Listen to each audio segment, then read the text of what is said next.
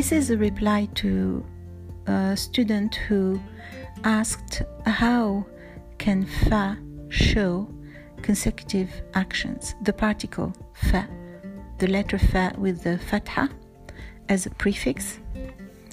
Um, so here's a good example of that. It's a,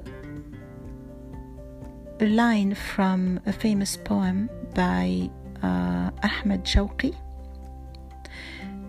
and it says نظرة فابتسامة فسلام فكلام فموعد فلقاء نظرة is a glance ابتسامة is a smile salam is a greeting كلام is talking موعد is a date it's also an appointment but in this context it means a date liqa is a meeting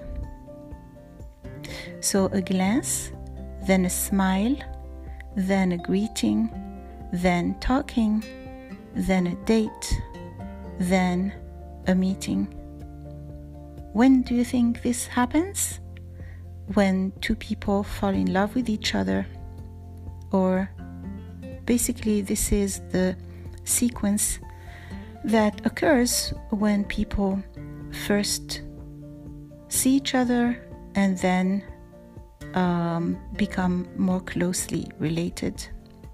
I hope this helps.